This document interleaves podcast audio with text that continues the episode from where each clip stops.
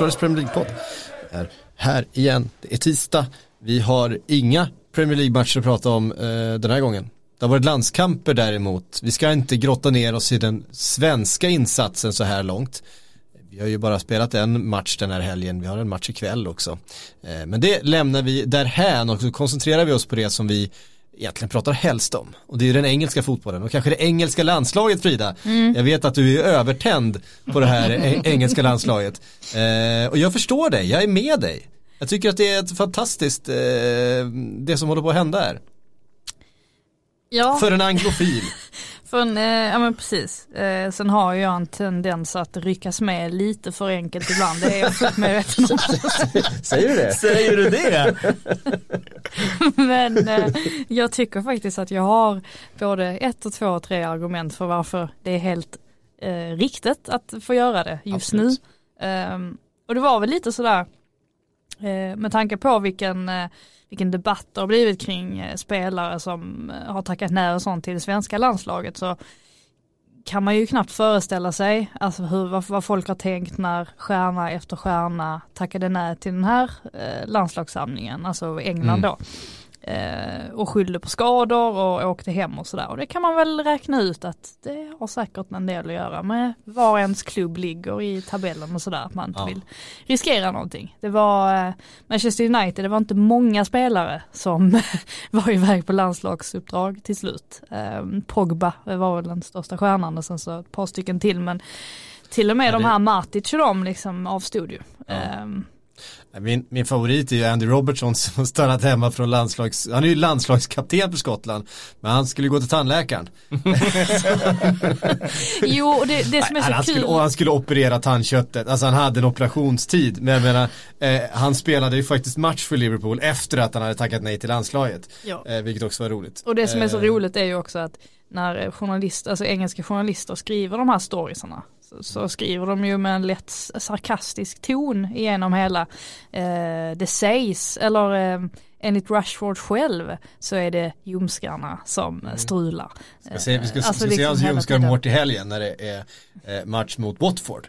Ja, men det jag skulle komma fram till med den utlänningen var ju att precis som Southgate sa inför eh, deras eh, EM-kvalmöten här att det ger, ger ju en chans åt andra spelare att kliva fram och, och få speltid. Och eh, min sanna dag, eh, både Declan Rice och kanske framförallt Callum Hudson och Doy såg ju verkligen till eh, att visa upp sig ordentligt. Och eh, Han är ganska med bra. Bravur. Han är ganska bra den där eh, Hudson och Doy ändå, trots eh, ut, den uteblivna speltiden i, i, i Chelsea.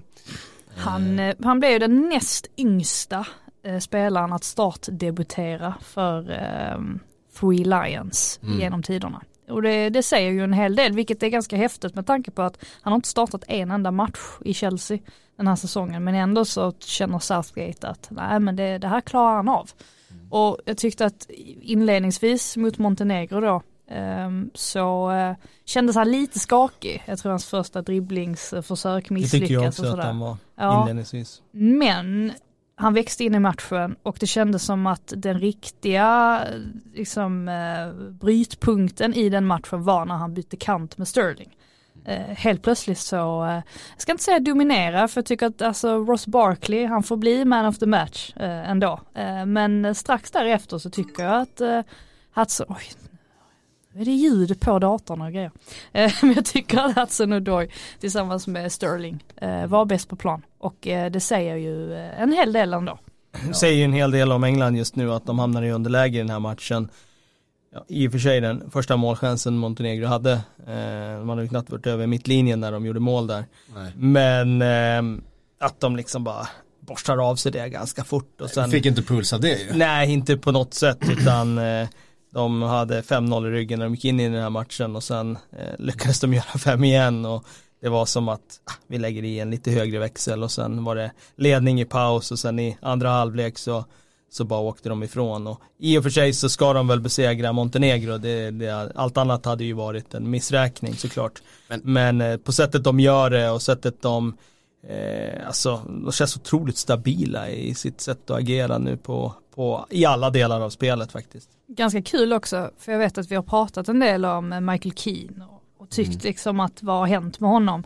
Eh, och så får han chansen här eh, mot Montenegro och eh, liksom inleder, det är ju han som han som de tumlar där eh, på vägen fram eh, som leder till, till målet. Och en sån där grej kan man ju tänka sig att ja då kanske man gräver ner sig och så kommer man inte in i matchen efter det. Men det Fast gjorde det var han ju mycket verkligen. stor dos tur där va, när han tunnlade. Han försökte ju passa bollen egentligen jo, och sen blev det någon slags jag, tunnel.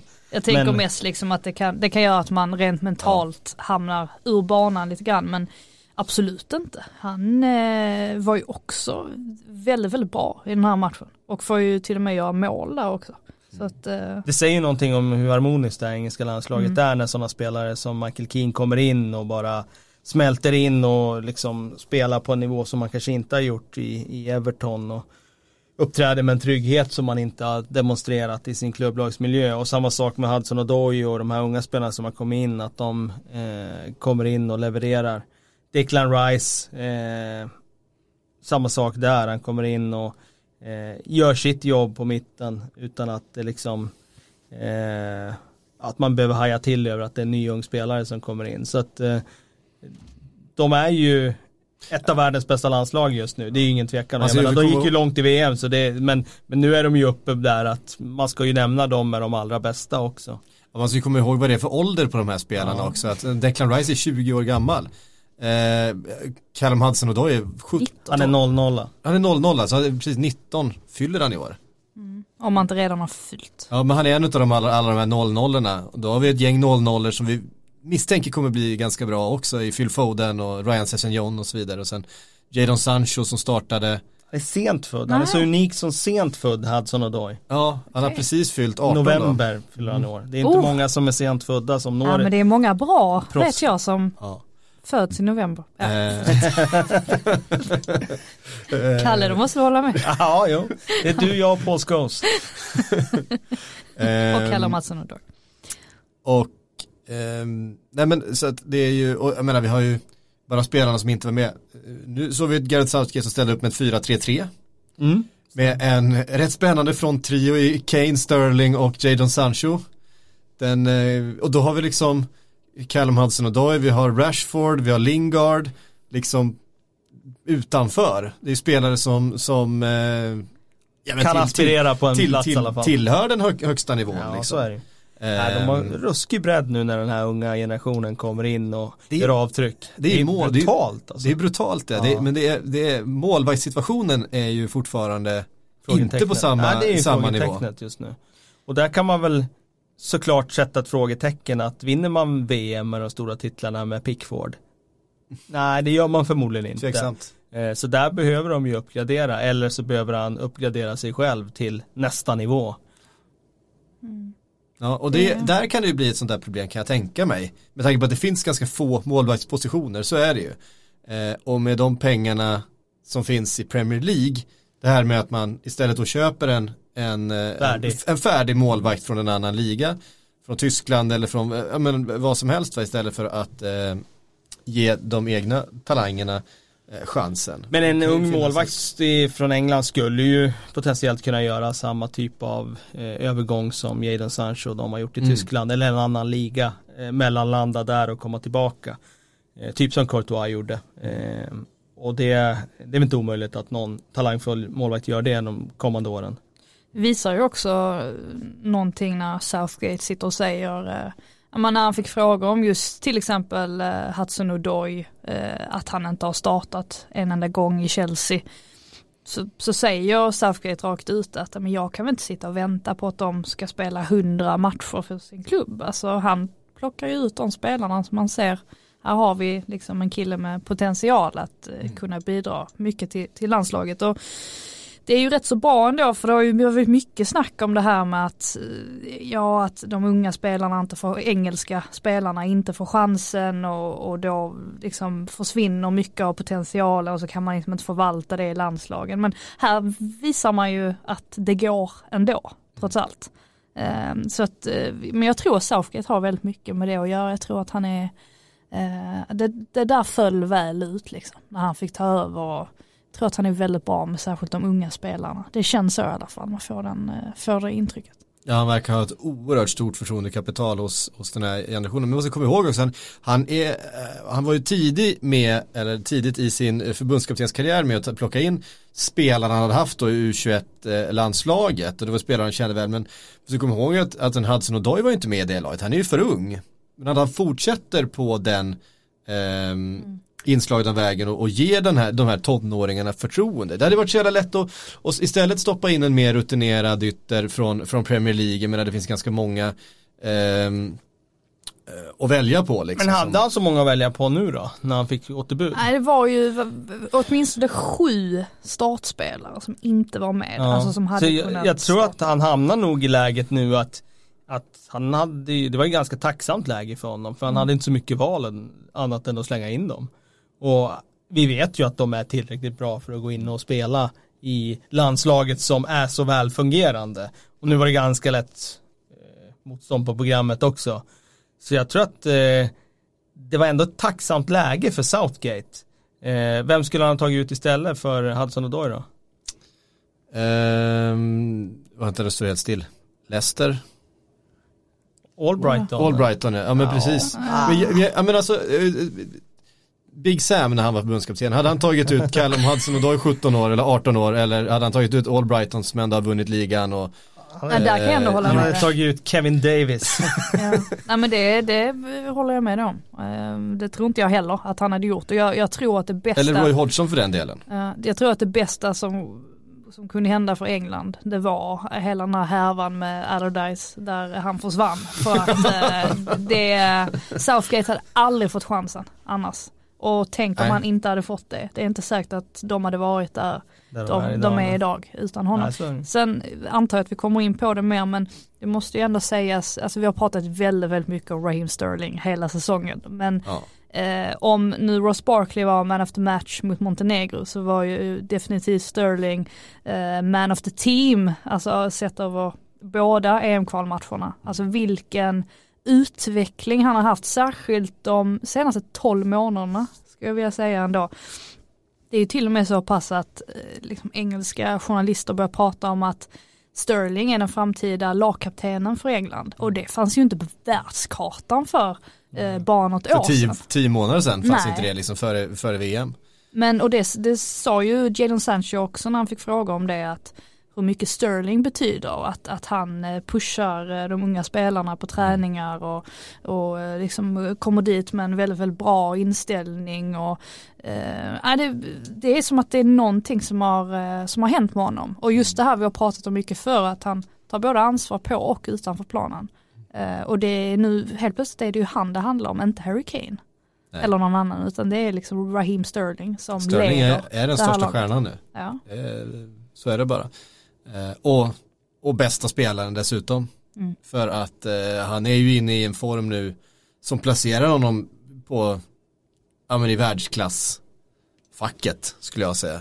Ja det är han, det är ingen tvekan om det. Eh, det har alltid varit så eh, de senaste decenniet att Ronaldo och Messi har varit på en platå och så har man mm. pratat om best of the rest, alltså den där kategorin precis under. Och där är han ju. Han är ju med där med de Bruyne har ju varit skadedrabbad de senaste åren, men i den kategorin med De Bruyne, med Hazard och med, med flera mm. som är just eh, precis bakom de två stora. Och där har han ju tagit klivet upp och han är en av dem nu när, när de kommer att göra avtackning här de närmsta åren, för det kommer de väl ändå göra, får man väl ändå anta.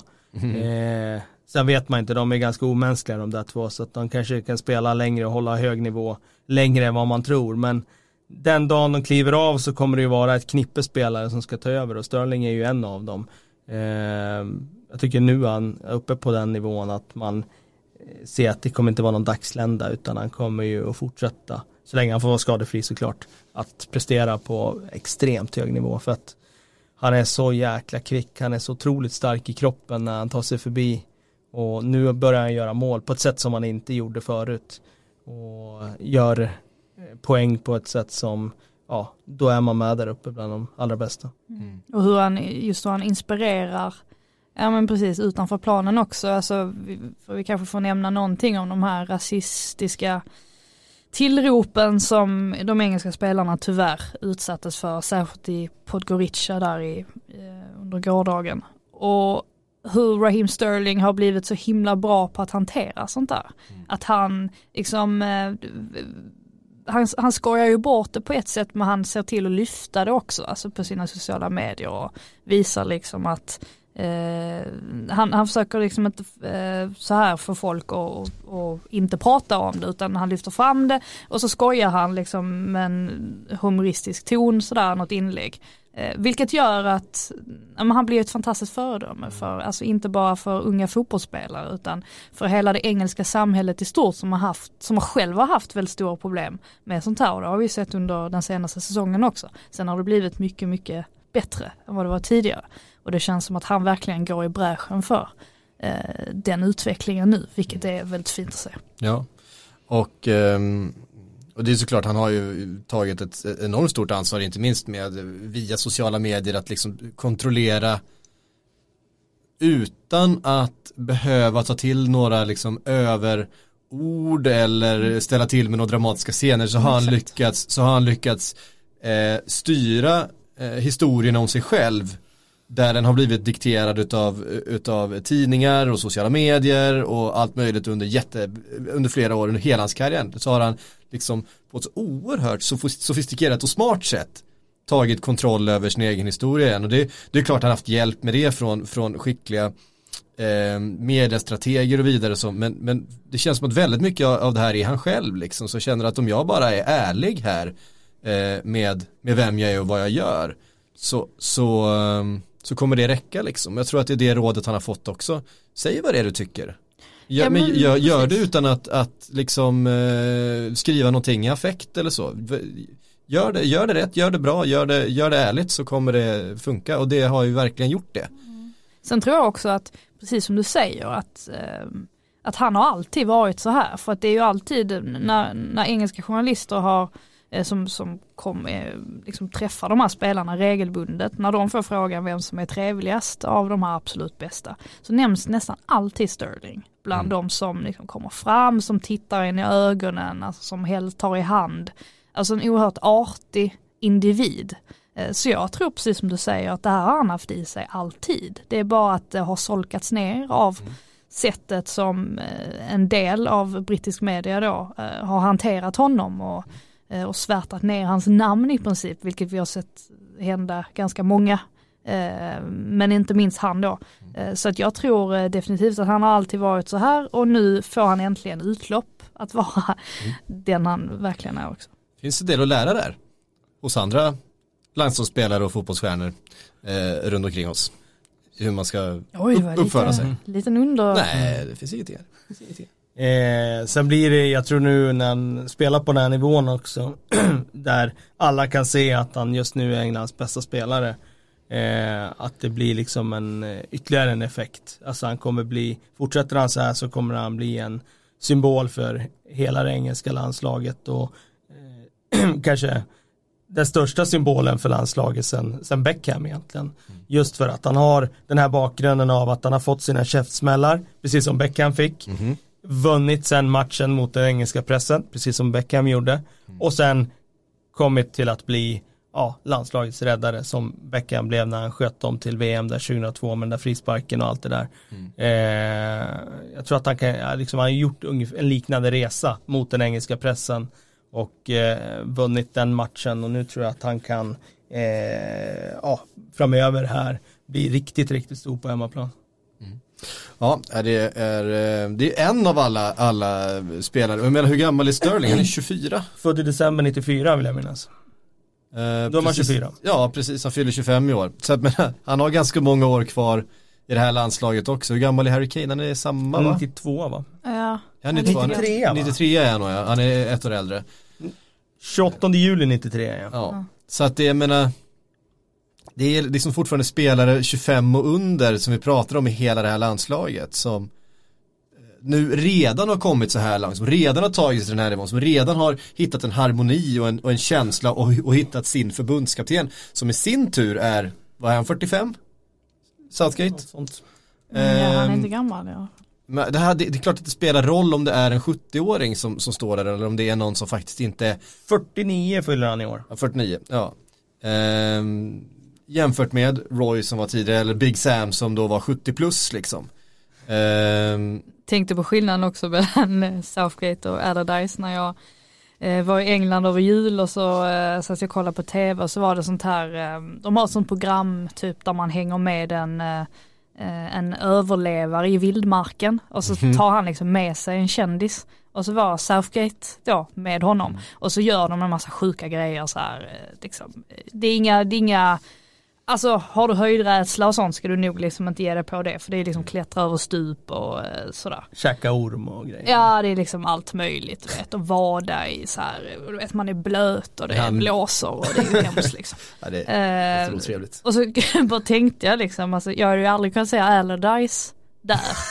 det, där. Däremot så är ju Southgate, han har ju varit väldigt, det är inte, man såg ju ändå att han trivdes i den miljön. Han tyckte ändå att det var väldigt roligt och han har ju faktiskt dragit med sig trupperna oftast. Alltså, jag vet att det allra första han gjorde eh, inför, vad, vad, ja det blir ju inför VM ju.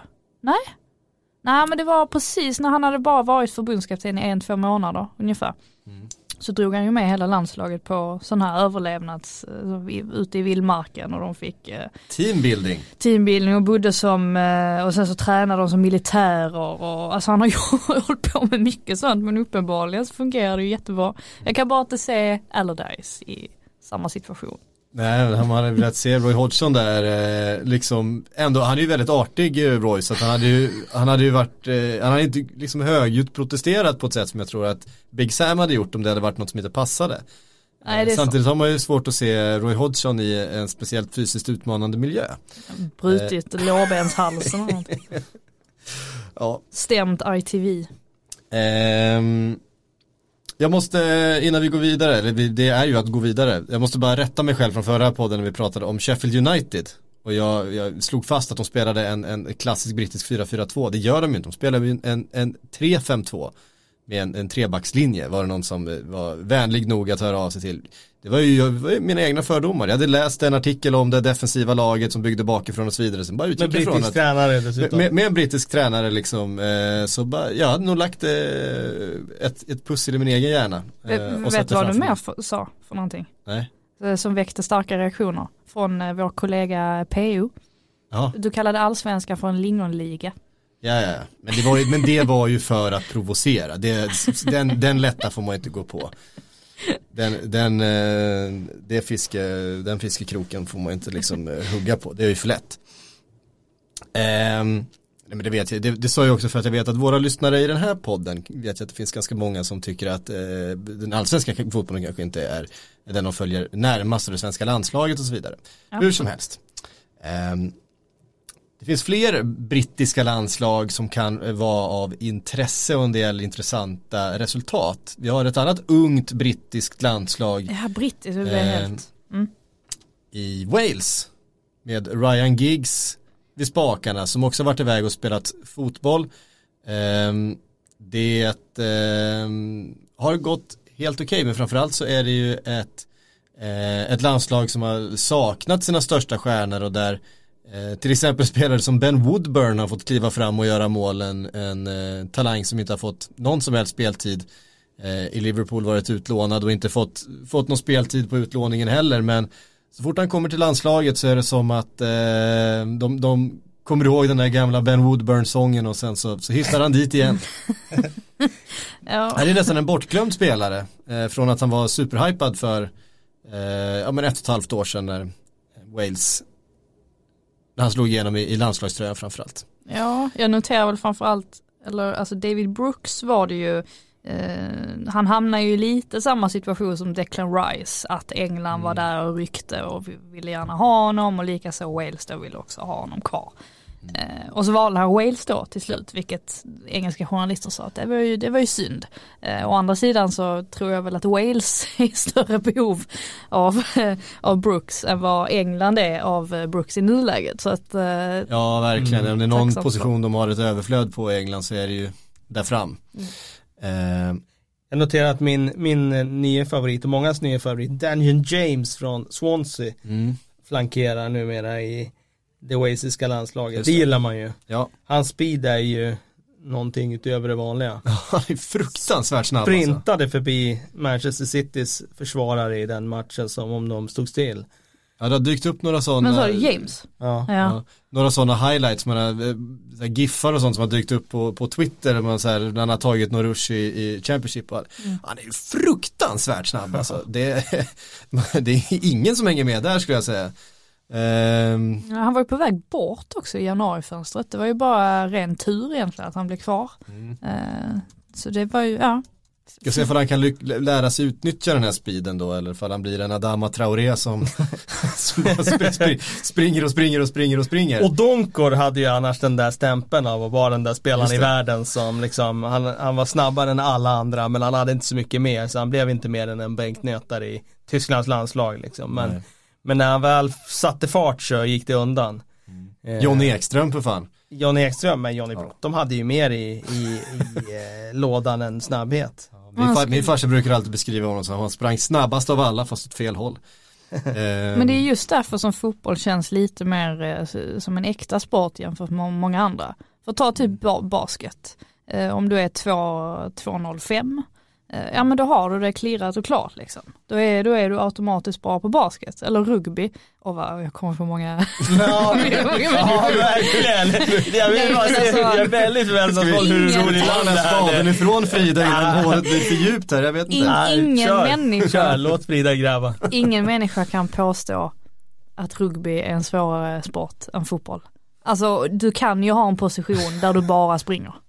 Där du bara, är du tillräckligt snabb, då kommer du vara Men jäkligt det var på- mer på- intressant förut, du sa det här med basket och vill du utveckla Jo men det? alltså så, du behöver inte sätta kasten i korgen eller något sånt Var det inte bilder på någon ny talang borta i USA, en basketspelare som var så lång så han kunde dunka utan att hoppa. utan- var det så? Han, han var liksom såhär 2,20 någonting liksom. Nej, men det är det jag menar, men det räcker ju inte, det räcker ju inte att du är jätte, jätte, jättesnabb i fotboll. Det kan räcka en ganska lång bit, men det räcker ju sällan Det beror på Ja. hur bra du vill bli. Men du måste ju ändå på något sätt ha någonting annat Någonting också. mer ja. Ja. ja. så är det ju. det. Absolut. Nej men det finns ju spelare i division 5 som är lika snabba som de i allsvenskan. Men då har de ju Ja. inget annat. Vi har Nej, ju nej. till exempel en på, här på redaktionen faktiskt. Ja, ja. Erik Karlsson som är gammal friidrottare. Han har ju spelat division 5 och division 6 fotboll. Och han kan jag säga, han springer snabbare än de i allsvenskan. Absolut. Men eh, eh, han kanske inte eh, Alltså, vi hade, alltså, vi, vi han hade, kanske inte. Ja, han, han kanske inte har den tekniska delen som de i allsvenskan har. eh, han är starkare i benen dock. Ja det är han. Han, eh, Svensk mästare i styrkelyft va? Han har Europa, Nej. Europarekord i marklyft. Marklyft, svensk, svensk mästare också tror jag. Eh, Europa EM-brons tog han i, i styrkelyft. Bara en sån sak. Eh, den jäveln. Men jag menar vad fan, vi hade en Usain Bolt som försökte få sig ett, eh, Ja det är väl ett ännu bättre exempel. Ja, Eh, det finns ju ingen som, som ifrågasätter hans snabbhet tror jag. Men har ni Eh, tänkt på då att friidrott inte heller är en riktig sport på ett sätt? För du behöver bara göra en grej. Ja. Ja, Antingen är du bra på att kasta något eller springa, ja, då är det sju, sjukamp. Var det inte hon Wagner va, eh, gymnasten som eh, sa att ah, när jag slutar med gym- gymnastik ska jag börja med friidrott, fy fan vad enkelt. Det är ju bara, det är bara springa fort liksom. Springa fort och hoppa högt. jag håller med Wagner. Ehm, det, det tyckte jag var ett roligt eh, och, och eh, lagom sådär kaxigt eh, uttalande. Mm. Eh, Men det är klart, ska man, ska man, man, tittar på, på, på gymnasterna så känner man att de hade ju inte gjort bort sig i höjdhopp eh, en del när de studsar upp i luften och gör alla sina volter. Det där golvet är ganska sviktande också. Golvet svajar lite, plus Ja. att de hoppar jämfota, det är ju fake. Mm. Jag känner att jag, jag kommer undvika att gå in på Twitter nu de kommande sju dagarna. För, liksom. Att få undvika basket-communityn på Twitter. ja. Ja, ja, jag tror det. Ehm, mm, mm, mm. Eh, Wales eh, landslag var det. Eh, Brooks som sagt känns det som en väldigt lovande spelare för deras del. Skottland däremot hade ingen kul helg, de åkte till Kazakstan. Det, var, det var någon journalist som, som, eh, som, hade skrivit att nej men eh, Skottland inledde starkt. Eh, ja men de släppte in mål efter fyra minuter så det ska inte vara många minuter av Alltså Kazakstan som då ska räknas till ett av Europas sämsta landslag. Eh, de har egentligen bara slagit sådana här riktiga blåbärsnationer. Eh, och Skottland åker dit och får dyngstryk. Vad var det som hände där? Jag minns att eh, man tittar på Skottlands lag, nu kollar jag i och för sig på de, lagutställningen hade, här ju- de hade ju sina bästa Marino. spelare borta ska sägas. Eh, Ryan Fraser var, var skadad, Andrew Robertson skadad. Det är klart att det är... Det, Skadad. Ja, skadad och skadad. Han skulle till tandläkaren. Skulle till tandläkaren. Ehm, och ett par mer. Men, men Scott McTominay på bänken. Han Mm. kunde alltså inte ta sig in i det här. Eh, Han fick ju komma in sen i alla fall. ja, men alltså, han, har, han startar matcher för Manchester United det ser, liksom den här vintern. Men han startar inte för Skottland borta mot Kazakstan.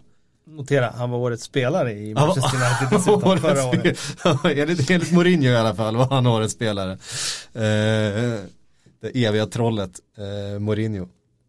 Nej men om man tittar på Skottlands lag, det, var det, Ja, lite, ja, ja, det är inget ja. superlag alltså. Scott Bain i mål, som backlinje med O'Donnell, Bates, McKenna, ja alltså mittfält med McGregor, Kenny McLean, eh, offensivt mittfält med Johnny Russell, Stuart Armstrong, Ryan Fraser och Callum Patterson längst fram.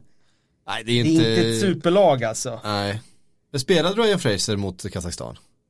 Mm, Nej, Jag tror han, inte han gjorde det. han var inte med i startelvan i alla fall. Nej. Nej det här, är- nej, det här är lagutställning från San Marino-matchen. Ja, just det. Ja. Just det. Mm. Eh, Nej, det är ju, det, det är ju ganska det är kanske inget tomt, superlag. tomt det är det på vill. stjärnor. Nej, det är klart att de inte ska åka och få stryk av Kazakstan i alla fall. För att titta på Kazakstans lag så hittar du fan inga, inga världsstjärnor eh, i det laget. Men eh, Steven O'Donnell från Kilmarnock till exempel. Liksom, det är inte supernamn i, nej, i den där elvan. nej, det är sant. Däremot så går det väl lite hand i hand med alltså, hur skotsk fotboll har sett ut alltså, de senaste åren också. Alltså jag som ehm, Alltså jag har ju väldigt svårt att, att förstå liksom att Old Firm har varit den, alltså the, the game, alltså den som alla vill se någon gång i livet. Alltså för mig eh, känns det ganska konstigt eftersom att jag inte har varit med liksom kanske under, alltså när det har varit som störst. Och det visar ju ganska mycket också, alltså att det bara gått utför i princip. Ja. Nu, det är ju bra att Rangers har börjat bli bättre, för det Mm, behövs. det Men just nu så är de ju verkligen på, på det. De var ju starka där i slutet av 90-talet när eh, de hade sådana spelare som Gassa var där. Eh, Henke. Och, och, och Henke var med i, i Celtic. Eh, Alltså på den tiden kunde de ju locka riktigt bra spelare. Och då var det ju stort. Men just att största matchen och sådär, det har ju bara att göra med själva dynamiken Ja, mellan jo de men två precis. lagen. Alltså det är ju så. har ju inte någonting med, har ju aldrig haft någonting sådär med spelkvalitet att göra. Nej men du förstår, alltså om man har en bucket list med matcher Ja. man vill se så har Old Firm varit väldigt, väldigt högt upp på den listan. Och på Tror min... Men det tror jag att det är. Det skulle det vara för mig också. Alltså, eh, Ah, för mig... ja, men jag tror mer grejen liksom. Att man vet att det är en sån enorm rivalitet mellan dem. Det är ju en galenskap. Eh, utan tvekan. Nej men om vi eh, stannar på de brittiska öarna då, men tar oss bort från Storbritannien. Eh, till Irland. Om vi pratar att eh, unga spännande generationer, framförallt i England och kanske i Wales, inte så mycket Skottland, så ser det fan inte bra ut för det irländska landslaget. 1-0 mot Gibraltar. Och det var alltså en oförtjänt seger för Irland mot Gibraltar. Det är alltså amatörer. Det är inte ens, så då har du spel, liksom Premier League-spelare i eh, det här irländska landslaget.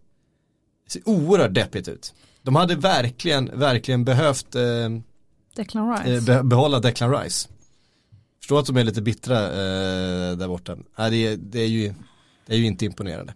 Men jag har inte sett matchen, jag har bara läst om den och eh, det verkar som att, att, att eh, den irländska pressen var un- ungefär så att ah, vi hade tur som fick med oss tre poäng i den här matchen. Och då, eh, det är fortfarande det är Gibraltar.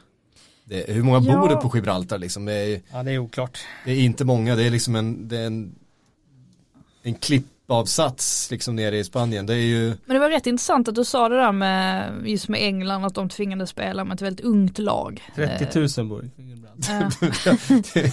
Nej men och så tittar man på, ja men exempelvis Irlands startelva här så är ju de flesta ganska mycket till åren. Det är ju Sean Maguire som är eh, 24. Eh, men jag menar eh, McGoldrick som spelar bredvid honom är 31 till exempel. Så att det är ju en ganska föråldrad, eh, ganska föråldrad startelva på så vis. Det är ju också lite märkligt att de får de liksom inte fram. nej, Okej. det är fortfarande så att liksom Jeff Hendrick ska vara en utav liksom profilerna i laget. Förutom att han är lik, väldigt lik vår kollega Hampus Hagman. Mhm. Så, ehm, så, han så har, ja, han är jättelik. Jag har aldrig tänkt på. Va? Har du inte tänkt på det? Jag, jag, det är det enda jag tänker på när jag ser honom. Fan, där är Hampus igen. Så är det ju en ganska begränsad fotbollsspelare, Jeff Hendrick. Ehm, även om han har mycket rutin och gjort många, många minuter. Men det är Ja. samma sak där, alltså man tittar på elvan, det är inte några superspelare. Nej, det är det det, är alltså, vad förväntar vi oss av de här länderna? vi förväntar Är det- oss att de ska köra över Gibraltar. Ja, det är liksom, men, eh, Men vi vet ju själv Sverige har också haft det ganska tufft ibland mot ganska mediokert motstånd. Alltså som, eh, nu kommer jag inte på någonting rak ja men Liechtenstein och de matcherna, det är inte alltid det har sett jättebra ut. Oftast har det varit så att eh, första målet har kommit väldigt sent och sen har man lyckats få in ett till och då ser det kanske lite snyggare ut. Men det var någon match där i Göteborg var det i Liechtenstein för x antal år sedan. Där det var ganska nära ändå att man eh, tappade två poäng. Så att, ja, står ett lag lagt, eh, kan inte ens prata, står ett lag lågt Mhm. så är det ju inte alltid helt enkelt att, eh, att bara se. Helt klart. Ehm, vi tittar framåt lite då, för att eh, snart så kommer fotboll tillbaks eh, in i våra liv. Eh, Football's coming home. Japp. Eh, Sverige ska spela den här matchen mot Norge ikväll. Jag är lite nervös inför den. Jag tror Är du att, det? Jag, jag, jag, jag tror att eh, vi får tufft alltså. Ja det är absolut, det kan vi få. Det är ingen dåligt norskt lag det här. Nej, sen Lagerbäck är väl Lagerbäck som gjord för att förstöra för oss. Ja men inte bara det, han kommer ju liksom Ja, men den defensiva Ja men det, liksom. det, ja, ja, det är de klart. kommer inte göra några Nej, de kommer inte bjuda tabbar på liksom. något. Nej, så absolut inte. Sen, jag tror det har ganska mycket att göra med hur de har tacklat allt som har hänt runt omkring de senaste Mm. dagarna. För jag tycker ändå att Quaison så himla positivt överraskad. Jag Mm. trodde att han skulle göra det bra när han väl fick chansen. Kristoffer Olsson också tyckte jag var väldigt bra. Kristoffer Olsson väldigt bra. Eh, Och att man har Isak som de Mm. få minuterna han ändå är på planen så gör han ju ändå någonting som, eh, eller han försöker i alla fall göra någonting vilket är väldigt positivt. Men eh, Hur hade, hur hade Sveriges landslag ställt upp om det var Gareth Southgate som var förbundskapten? Hade Alexander Isak startat före Marcus Berg? Men, det, där, det här är helt fel forum att ta den här diskussionen i men jag tycker ärligt talat att Marcus Berg, där har man ju hängt upp sig väldigt mycket på hans, eh, eh, alltså hur, hur lite mål han har gjort. Och det, absolut, han har inte gjort många mål alls. Men han gör ju också grejer som man ändå måste väga in när man betygsätter honom. Man kan inte dundra på och tycka att han är den sämsta anfallaren som svenskt landslag någonsin har haft, för då hade inte Janne Andersson spelat honom. Han gör ju väldigt, väldigt mycket i den här matchen som eh, man inte tänker på kanske, men som faktiskt bidrar till att man får med sig den här segern. Sen är det klart att ibland så liksom snubblar han på bollen och sådana grejer och det gynnar ju inte honom i det långa loppet. Men jag tycker han får oförtjänt mycket kritik. Jag håller helt med. Alltså om man tittar på VM då så spelar ju Sverige på ett sätt som gjorde att de tog sig väldigt långt. Och hade de inte spelat på det sättet så hade de förmodligen inte tagit sig så långt. En stor del av det var ju faktiskt att anfallarna jobbar väldigt, väldigt hårt utan boll. Och det är liksom utopi att man ska ha en spelare som har superkvaliteter offensivt som dessutom jobbar superhårt och smart utan boll.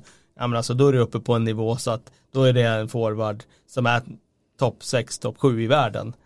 Och sådana forwards har vi inte. Vi har haft en sån spelare som har varit det och eh, ja, den tiden är förbi så att säga. Jag tycker Janne gör eh, det bästa möjliga med det material han har och då tycker jag nog det är att, att spela eh, ja, Marcus Berg. Sen är det klart att det är superspännande med Alexander Isak som just nu eh, kommer närmare och närmare och liksom kommer få mer och mer speltid men jag är inte heller speciellt upprörd över, över det, över att Berg spelar. Nej. Eh, men det var inte det vi var här för att prata om. Men det är ju Eh, rätt mycket Premier League i det mötet ändå ju. Alltså Ja, om du tänker norska elvan där. Mm. Och ju många Premier League. precis. Ja, vi har Joshua King som förstås, eh, förstås är ett av de viktigaste och första, första namnen på Lagerbäcks, eller Lagerbäck börjar ju alltid bakifrån förstås Ja, när han tar ut sitt, sitt lag. Det får är man utgå ifrån. Ja, Mohammed Eliounous. Elionussi såklart. Eh, vi hade Sörlott. han är väl med i truppen. Var Var han nu Belgien? Jag är Ja. skämt, tror jag. Han som, han, som näst, han som nästan var klar för Real Madrid. För, för Real Madrid ja, han Alltså nu, nu överdriver ni ju. Så det var Nej men jag gillade också så Jag sveptes också med lite grann Jag gillade också hans eh, eh, frejdighet i de där inhoppen han hade Mm. första men det var just det där ap- apropå att svepas med. Ja, ja, det kanske man gjorde lite. ja, Vad har hänt med Övergård då? Ödegård, ja. Det går ju bra för honom. Alltså. Han är ju ryktas ju till Ajax för 200 millar. Så det går Ja, alltså det jag har sett om klippen eh, senaste tiden, jag har inte sett så mycket matcher med han men senaste klippen dök ju upp här på Twitter, det tyckte jag han såg jäkligt vass ut. Mm. Var det i Vitesse han var då alltså?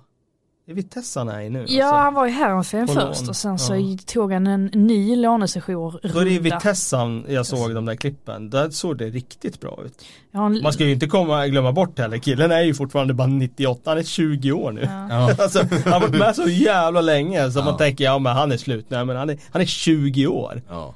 En liten kul anekdot nu från, de mötte ju Spanien i eh, Valencia, eh, Mm. Norge och eh, då eh, eh, stoppade de all spansk eh, media från att prata med Ödegård. Han var ju den enda de ville prata med, Ja, de spanska journalisterna. Ingen, ingen spansk journalist fick prata med honom, norska journalister fick prata.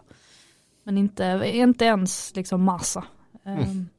Utom de, för att skydda honom. Så att, eh, ja, ni ser. Intressant. Och Lagerbäck hade tydligen approved det här.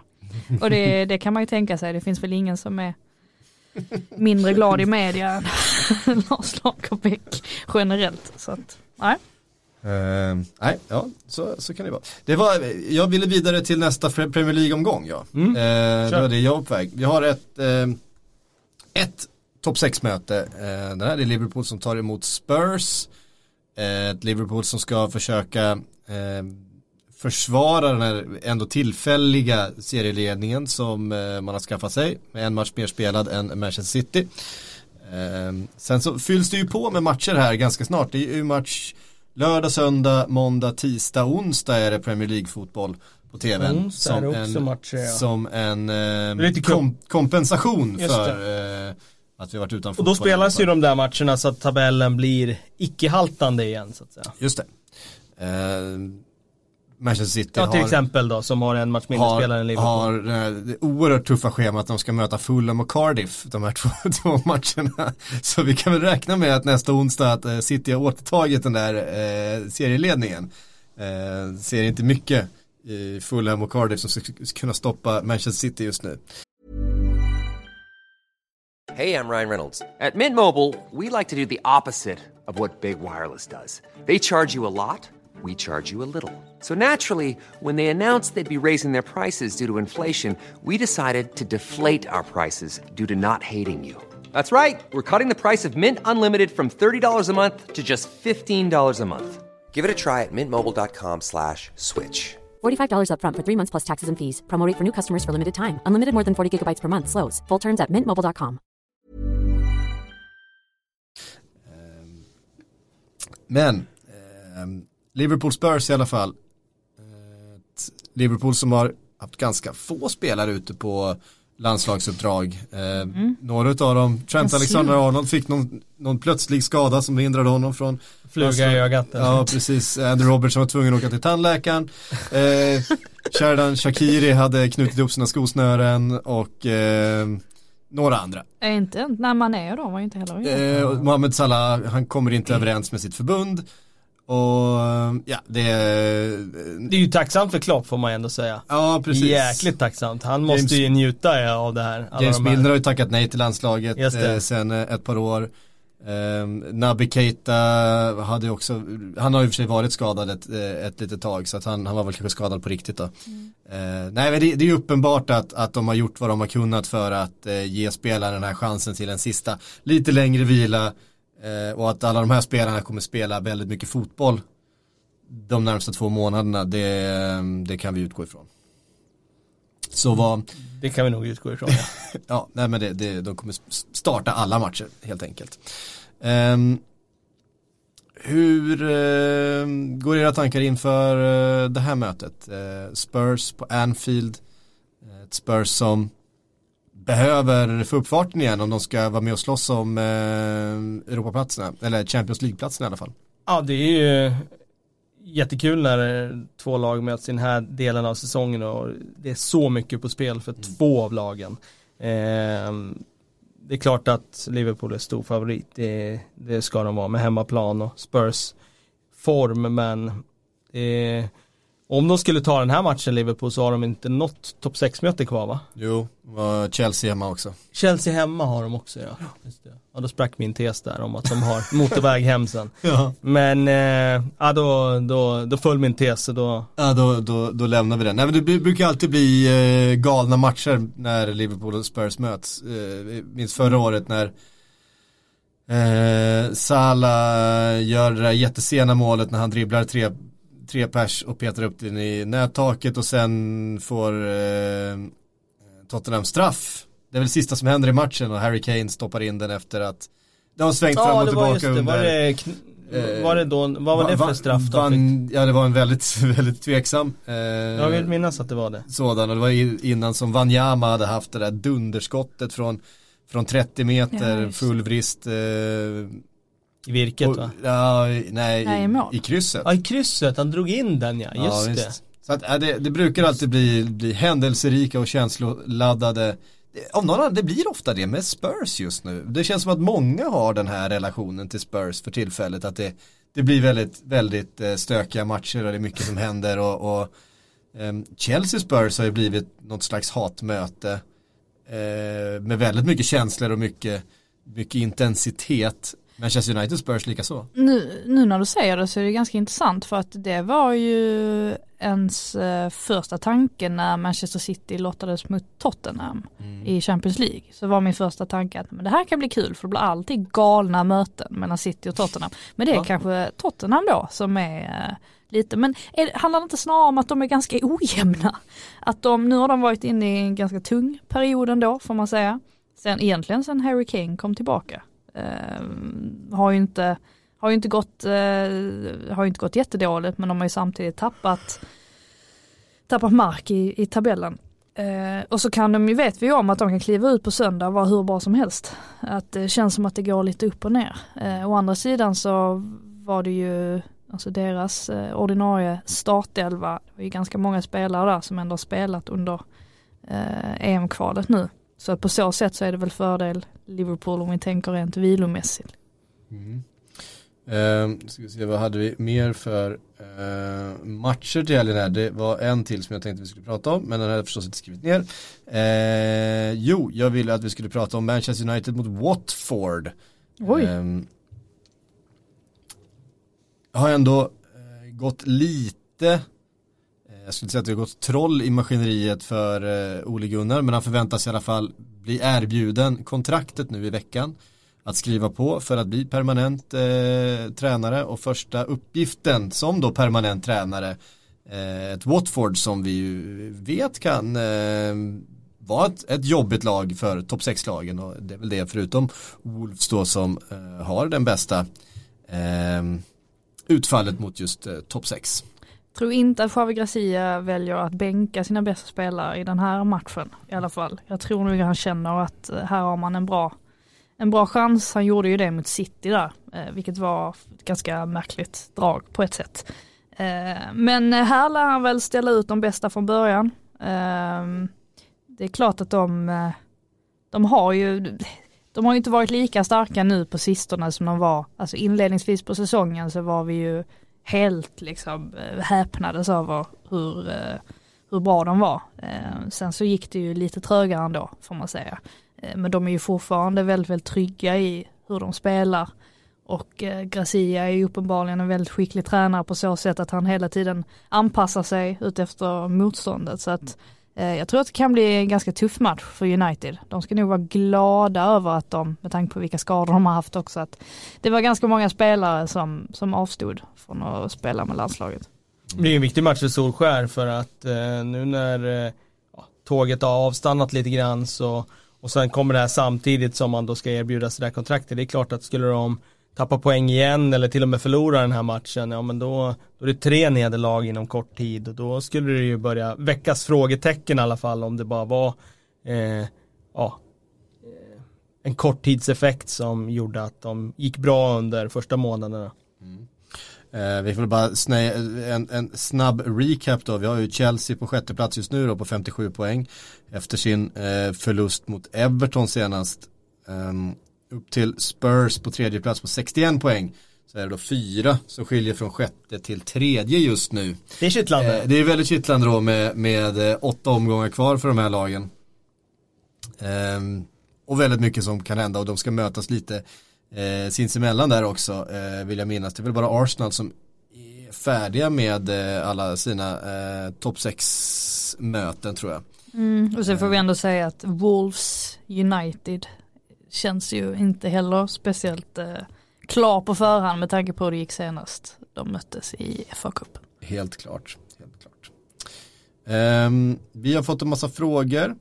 Eh, just det, eh, det var det också att man har, man har ju Watford och sen Wolves i den här eh, korta perioden. Så man har Watford på lördag och sen Wolves på tisdag. Så att det är ju två viktiga matcher för Manchester Uniteds eh, topp fyra ambitioner som man väl eh, måste ha på riktigt. Även om man också kommer lägga en hel del krut på Champions League. Eh, Barca blir dock rätt svår att ta sig förbi tror jag. Det är inte direkt någon favoritstämpel där. Nej, inte riktigt va. Eh, inte direkt. Vi har fått en massa frågor. Eh, Marcus Almlöv undrar, vem borde vinna Player of the Year? Oj, jag tycker det står mellan tre, möjligtvis fyra spelare. Och det är van Dijk, Sterling, Agüero. Sen vill jag ju kan inte säga tre City-spelare. Nu när jag säger Ja, det, det låter helt sjukt. För jag vill Bernardo peta in Silva. Bernardo Silva där också. Ja okej, ja men gör det, det tycker jag. Han förtjänar ju nämnas i sammanhanget. Absolut. Jag tycker att det var en bra shortlist av dig. Eh, Jag skulle vilja ändå säga att de två det står mellan är Sterling eller van Dijk. I min bok. Sen eh, tycker jag ändå att Bernardo Silva och Agüero förtjänar att nämnas i sammanhanget. Bubblare. Ja, nej, men de ska ju vara med på den där shortlisten. Sen är det väl ett namn till. Det brukar väl vara fem namn där va? På den. Ja. Och eh, nu har jag ingen spelare som Kanske ska jag vara någon i kan- Liverpool. eh, kommer på eh, riktigt som förtjänar. Det är väl Mané eller Salah. Salah eh, kanske många höjer på ögonbrynen men jag tycker ju ändå att han är så bra. Eh, för att han är alltid ett hot. Sen har han inte gjort lika många mål den här säsongen men jag tycker ändå att tar du bort honom ur ekvationen då skulle Liverpool vara så mycket mer uddlösa än vad de är. Man säger så här, han har gjort ett färre än Agüero som är på shortlistan. Ja, precis, exakt. Fler assist och Ja, och han är alltid giftig liksom. Sen är det klart att det går troll i det just nu, men ser du över hela säsongen så tycker jag spelmässigt att han att han skulle kunna vara i femte namnet. Eller Mané eller någon annan kanske. ja, Men eh, för mig van Dijk eh, min favorit. all right. Eh, Jocko skriver, eh, vad kommer Spurs nya arena göra för laget slash klubben?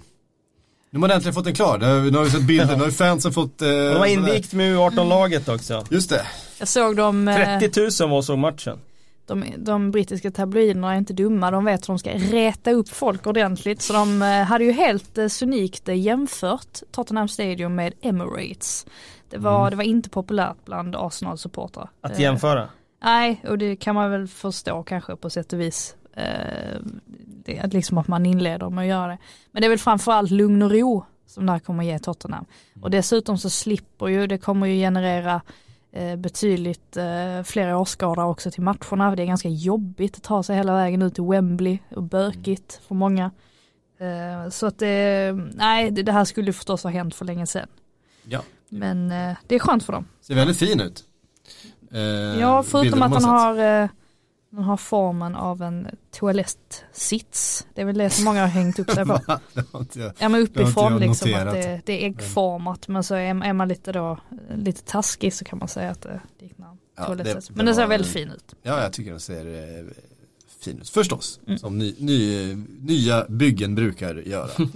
Ehm, William Fröding undrar Pogba till Real Madrid. Sen har det varit intressant när ni pratar om högerfotade högeryttrar då det känns som det börjar bli allt vanligare.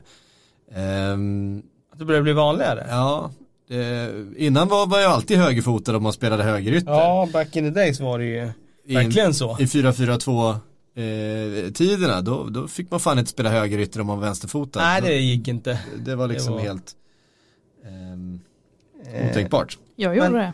Ja men tänker han på Jadon Sancho nu då? Eh, Kanske. tänker han på... Men de är väl lite flexibla också. Ja. Det är väl det jag tycker man ser allt mer, eller allt oftare att de helt plötsligt byter kant med varandra eh, mitt under matcherna. Vilket är ju ett jättebra sätt att röra om och få ett helt nytt typ av spel. Men det är inte bara i Premier League, det gör ju de flesta. Ja så är det ju. Ja absolut. Jag vet inte om, det kanske har blandats upp lite mer nu då. Att det ett tag var bara att man spelar med inverted wingers, alltså att man spelar med vänsterfotade till höger för några år sedan. Och att det nu börjar gå tillbaka till att man blandar upp det lite, att det ibland kan vara att man spelar med Sterling till höger till exempel och Sané till vänster. Det gjorde ju City i förra säsongen. Då spelar de ju faktiskt så. Ja. Ehm, mm, Så jag tar jag klösmärken på handen. Jag var hos tandläkaren tidigare idag, så jag har fullt med klösmärken på. Pogba till Real Madrid då, det var hans första del av frågan. här. Vad tror ni? Det blir ju intressant att se vad Zidane, eh, vilka Premier League-lag han kommer länsa på, på Galacticos eh, i sommar. Eh, kan Pogba vara ett sånt namn? Jag tror att alla de där namnen kommer de ju sondera kring. Sen får de ju inte loss alla så att de måste ju liksom undersöka alla de där. Jag tror att det är många som kommer att vara intressanta. Om du tar Hazard, jag tror Sterling, jag tror Pogba, jag tror Rashford. De spanska giganterna kommer nog surra kring flera av dem där. Stort, Det är- Marca hade ju på sin etta en stor bild på Mané tillsammans med, Ja, Mané har du också. Zidane i förrgår tror jag. Ja, exakt. Nej, jag tror inte alls det är omöjligt att det är en- ett par av dem där som kommer att eh, gå i flyttlass till Madrid. Men det, det säkraste bettet är ju ändå Hazard att han är eh, känns enklast att få loss honom också. ja, jag tror det känns som det. Om det, det enda som har ställt till det, det är ju det här Chelseas transferförbud. Ja, det är klart. Eh, men innan det kom så kändes det som att den klart enklaste spelaren för loss. Och nu verkar det som att de har överklagat det där eh, transferförbudet till eh, CAS. Har de gjort det? Har de lyckats med det? Eh, Jag har att för mig att, eh, de har för, i alla fall försökt, jag vet inte om de har fått någon, något be besked kring För först var ju budet att de inte eh, fick överklaga att de inte fick överklaga att de Men de inte kan inte överklaga i den instansen. Du kan ju alltid som jag Ja. förstått överklaga saker till Till. KAS, ja just det. Och då får du säkert värva under tiden. Ja. Det borde ju vara så, för så har det ju alltid varit förut. Ja. Ehm, Det är lite kul ändå att Chelsea tycker att de känner sig, eh, nej men alltså att de, eh, att de blir hårdare straffade än vad, vad andra klubbar blir. Eh, och, och det blir de ju förstås om man ser till hur andra, alltså som Barcelona, Real Madrid och eh, Atletico Madrid har, har blivit straffade tidigare. Eh, men samtidigt så är det kanske en bra grej också att de börjar bli lite, lite hårdare med, med att följa reglerna. Men ja, det beror lite på hur man ser det. Ja. Um, det att, eh, blir då en bra övergång till nästa fråga som vi fått från Thea Jernberg. Uh, många transferrykten kring City nu. Kan det ha att göra med ett eventuellt köpförbud där? De har också eh, ett eventuellt transferförbud hängande över sig. Det har kommit eh, information från Uefa att eh, det är deras rekommendation då att man ska utdela även ett eh, transferförbud till City. Eh, vad det lider, det har ju inte slagits fast än men mycket talar för att det kommer bli så. Att även Manchester City kommer få då två eh, transferfönsters eh, köpförbud helt enkelt. Ehm, kan City komma runt förbudet genom att göra klart med spelare innan beslutet är taget och fönstret öppnar? Eh, ja, alltså Nej, jag tror inte det. Nej, Nej, det handlar om när du registrera. registrerar Nej. eh, spelare, inte när du betalar för dem, Nej. utan det, det är ju registreringen av spelare som är det problematiska. Teoretiskt sett kan de ju komma överens med spelare, köpa spelare under ett transferförbud, men de har ändå inte fått registrera dem. Ja, exakt. Ehm, man tänker att det hade funnits eh, kontraktslösa spelare och så vidare, eh, men de hade ännu inte fått, eh, fått registrera dem. Vi har ju sett Arda Turan till exempel som köptes under transferförbudet, eller eh, Diego Costa eh, för Atletico Madrid. Köptes under transferförbud men sen fick registreras först. När, sen är det ju så jävla gråzon att han får vara där och träna ändå liksom, när han inte är registrerad. Men det tycker jag, tycker jag är okej Ja, det ändå. Träna De förlorar ju ganska mycket på Jo det är klart, men det är ändå Men det kan ju faktiskt vara därför som eh, de ändå, alltså, som sitter och varit väldigt måna vid att hålla fast vid de här unga talangerna. De var ju inte helt nöjda med att Brahim Diaz lämnade till Ja, exempel. De ville ju väldigt, väldigt gärna ha kvar honom. Och det enda man kan tänka sig som anledning till det är kanske någonting sånt här. Att att de inte får lov att, att värva. Då måste man ju ha kvar allt man kan ha kvar. Liksom. Mm. Kan ha hänt någonting sen jag eh, läste på om det här senast, det var någon vecka sedan. Eh, att det faktiskt har slagits fast eh, att de får eh, transferförbud. Jag, inte, eh, jag vet, jag, vet, bara att det var på gång, att det hade kommit en sån rekommendation. Um, Gunnar Swede, uh, han vill gotta sig lite här tror jag. han, han undrar vilken klubb ligger bäst slash, slash värst till av Spurs och Chelsea. Uh, Eh, värsta, värsta rivalerna. Eh, om man väger in allting. Form, Form liga, position, ja. ekonomi, stadium, manager, transferförbud, utgående kontrakt och så vidare. Där kommer vi in på Chelsea. Transfer, ja. Transferförbud ja. igen då. Nej, jag tror eh. Chelsea ligger värst till av de två. Det tror jag de gör utifrån mer ägarsituation och så. Eh, framåt här. Eh, vi får se vad det är. Det, det är klart att det kan bli jackpot att man får in en väldigt stark ägare och så vidare. Men jag tror att just att det är väldigt mycket oklart där med manager, med ägarsituation, med trupp också när de står inför en jättegenerationsväxling. Eh, så att jag tror att eh, deras situation är den man är minst avundsjuk på av, eh, av dem. Mm. Eh, Simon Johansson skriver, eh, behöver inte van Dijk prestera lite fler säsonger på den nivån han är på nu för att vi ska prata om honom som den bästa mittbacken någonsin i Premier League. Som Ferdinand och Terry som var uppe på van Dijk nivå i tio säsonger. Alltså, ja, det är klart att han behöver göra det över fler säsonger för att anses vara den största eh, försvararen under Premier Leagues Premier League-eran. Men jag hävdar att om vi bara tittar på vem som är bäst, alltså här och nu bäst, så tycker jag att han är på en nivå nu som är, han har fler dimensioner i sitt spel än vad Terry och Ferdinand hade när de var som bäst. Sen är det klart att de gjorde det under fler år, vilket gör att skulle man ta ut den bäst, liksom den, en elva över Premier League-eran så skulle man ju ta de namnen före van Dijk. Men jag tycker hans högsta nivå, van Dijks högsta nivå är eh, snäppet bättre än, än dem. Men det är klart att han behöver göra det eh, i fler säsonger för att vi om tio år ska komma ihåg honom som, som den bästa någonsin i Premier League, absolut. Mm. Eh, men det är det där, tar ut, liksom, om du tar ut din drömelva i Premier League genom tiderna, då tar du ut Ryan Giggs. ja men det gör, det, gör, det gör ju nästan alla. Ja, det är ju mer för att han gjorde det under många år. Men det finns ju flera, jag skulle hävda att det finns flera yttermittfältare som har varit bättre än vad Giggs var. Jag tycker Salah var bättre under sin säsong här. Ronaldo var bättre under sin säsong. Eh, jag kan hävda att eh, Hazard har varit bättre än Ryan Giggs någonsin var mm. på sin högsta nivå.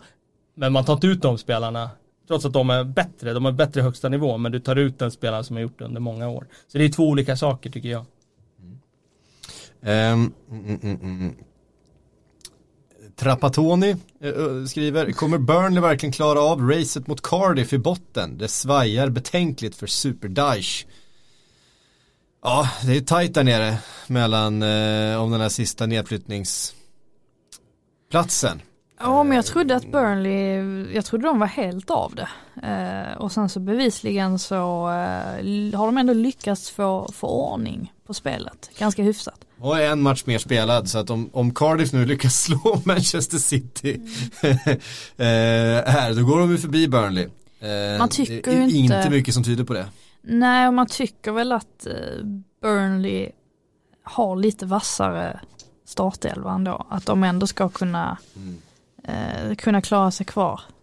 Jag vet inte, alltså min känsla har jag varit hela tiden att Cardiff kommer att åka ur. Jag tycker faktiskt snarare att de har gjort det bättre än vad man förväntade sig. Man mm. var ju himla hård mot dem, alltså innan säsongen. Riktigt tufft schema också, de har Chelsea hemma nu på, på söndag och sen City borta på onsdag.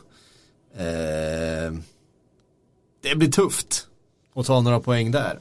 Och ska vi se här, då har, de, har vi sex matcher kvar att spela och då kommer de eh, förmodligen ligga efter Burnley fortsatt då. Burnley som har eh, visserligen Wolves hemma eh, på samma tid då för att de ska ha, hamna på samma, Burnley har ju en match mer spelad.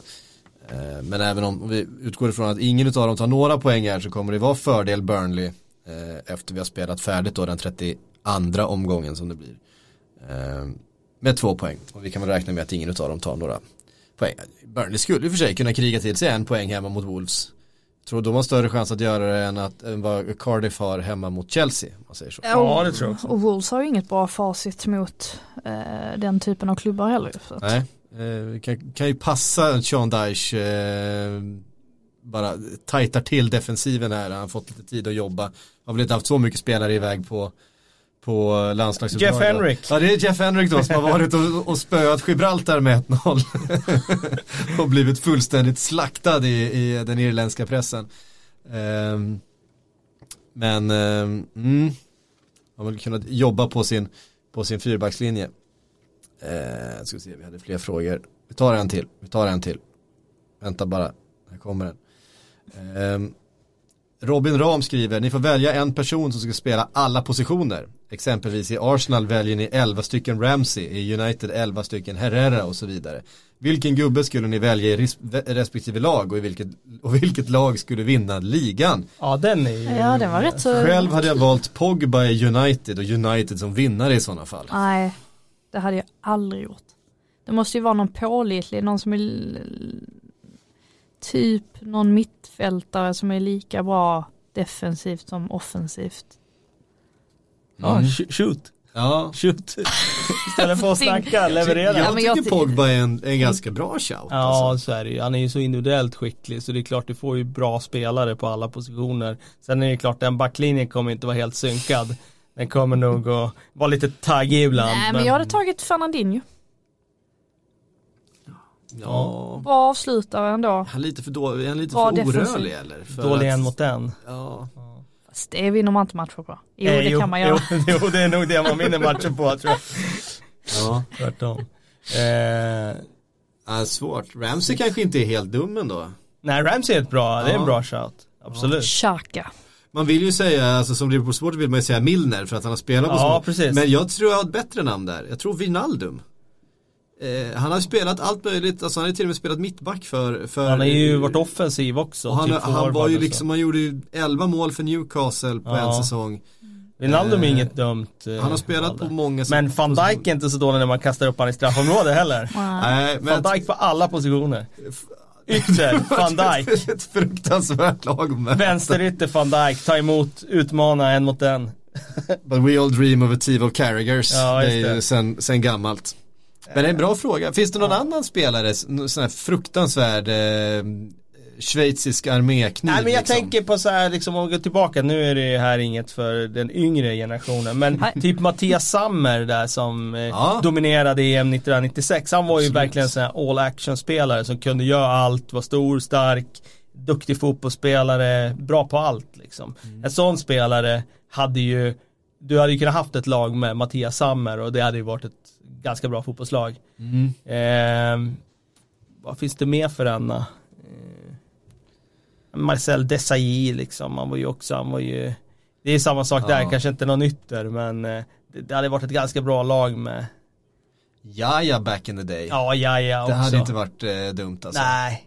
Gå ner i Champions League-final och spela mittback som han gjorde. Ja. Han kan spela tia. Han är väl den enda som skulle kunna vara världsklass både som mittback och tia. Ja. Vilken annan spelare i världen kan spela både mittback och tia och vara världsklass? Som han kunde vara. Ja, nej. Det är, okay. Har vi den ultimata? Ja, ja, ja. En, en, en, eh, en arméspelare. En arméspelare. Ja, jag tror det. Ja, ja, jag tror det. Ja.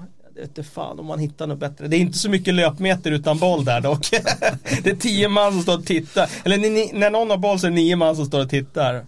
Ja. Men det får man ändå säga. Jag tror att tio Ronaldo skulle slå tio Messi. Ja, det var det. Ja. Tio, Messi hade varit svårt att försvara sig mot. För ja. Det hade varit helt jävla omöjligt. Ja, det, ja. Man hade spelat på, på nya ytor som inte har uppfunnits än. Ja, och det är ganska nya... bra en mot en också. Så det, det blir svårt när, när man ska ge understöd på en, på en kant liksom. Ingen av dem kan ju försvara heller så det blir ganska många mål i det mötet. Ja, de kan i alla fall inte försvara utifrån att vara försvarare i en backlinje. Nej. De är ganska bra på att pressa när de är som mm. allra bäst. Messi är ju bra på att pressa till exempel. Mm. Men man har svårt att se Messi mittback alltså. Ja exakt, men menar eh, Ronaldo måste ju vara ett huvud längre än Messi. Ja det är han ju garanterat. Eh, och dessutom hoppar han rätt bra. Så att han hade ju kunnat ta sig till en position där han står och sveper in inlägg. Om de hade fått låna bollen ja. Om han hade någonsin hade fått låna bollen, precis. Plus att Ronaldo är ju så här, han kan ju verkligen anpassa sig också. Alltså skulle, skulle någon säga åt honom, nu, nu får du bara spela mittback, då hade han ju typ gjort om sig själv till en av de absolut bästa mittbackarna. Ah, tror du det eller? Ja, tror det tror du jag. det? Det tror jag. För att allt hans anpassning handlar ju fortfarande om att göra mål. Skulle du, skulle du se framför dig Ronaldo anpassa sig till att bli mittback? Fast så var det ju inte i början. I början var, var ju hela grejen för honom att eh, dribbla förbi hur många spelare som helst. Jo, jo, men hela anpassningen från det att han gick från att vara den ytten som du beskrev nu till att vara anfallare så var det ju för att han skulle fortsätta att göra mycket mål. Men skulle han kliva ner på mittback skulle han ju inte ha en chans att göra mycket mål längre. Mm, jo, om man kliver upp på fasta situationer. Ja, bara- på fasta och situationer. låter sitt andra jag stanna hemma. Ja, alltså, det, blir jag- ju, det, är blir ju en väldig på. fantasi det här ju. Rakt igenom. Så är det ju. Men eh, ja, ja, jag ska, jag ska svårt att se att Ronaldo skulle acceptera flytten ner till mittback. Ja, eh, ja, det är en ganska hypotetisk eh, diskussion i vilket fall som helst. Eh, vet ni vad, det fick runda av den här veckan. Eh, nästa vecka så har vi fotboll att prata om igen. Det är ju Eh, mitt i. eh, Då är vi mitt i omgång, kanske eh, får vi se när vi återkommer, kanske ska vi, Tisdag eller ska vi, onsdag. ska vi, eh, det är en hel del, det är så mycket matcher på onsdagen också så att det kanske, Kanske är, blir dubbla poddar nästa vecka då. ja, om vi hinner. Ehm, Det var tveksamt svar det där alltså. det blir nog inget med jag är- Rätt utläsa av det där ansiktsuttrycket så blir det inte dubbla poddar Nej, det var det är för att det är jag som sitter på schemat till den här studion, eh, så då kommer vi bli utsparkade. Men vilka är alla poddar? Nej det undrar jag också. Alltså det är, är det någon som lyssnar på någon annan? Vi har ju 15 olika podcast vet du, på, på jag Aftonbladet tycker just inte nu. om det. Men du, får, du är inte med i alla tyvärr Frida. Det, jag vet att det är, Jag är med för många dock. ja. Eh, hörde ni, tack för att ni har lyssnat. Vi är tillbaks nästa vecka igen, hur som helst.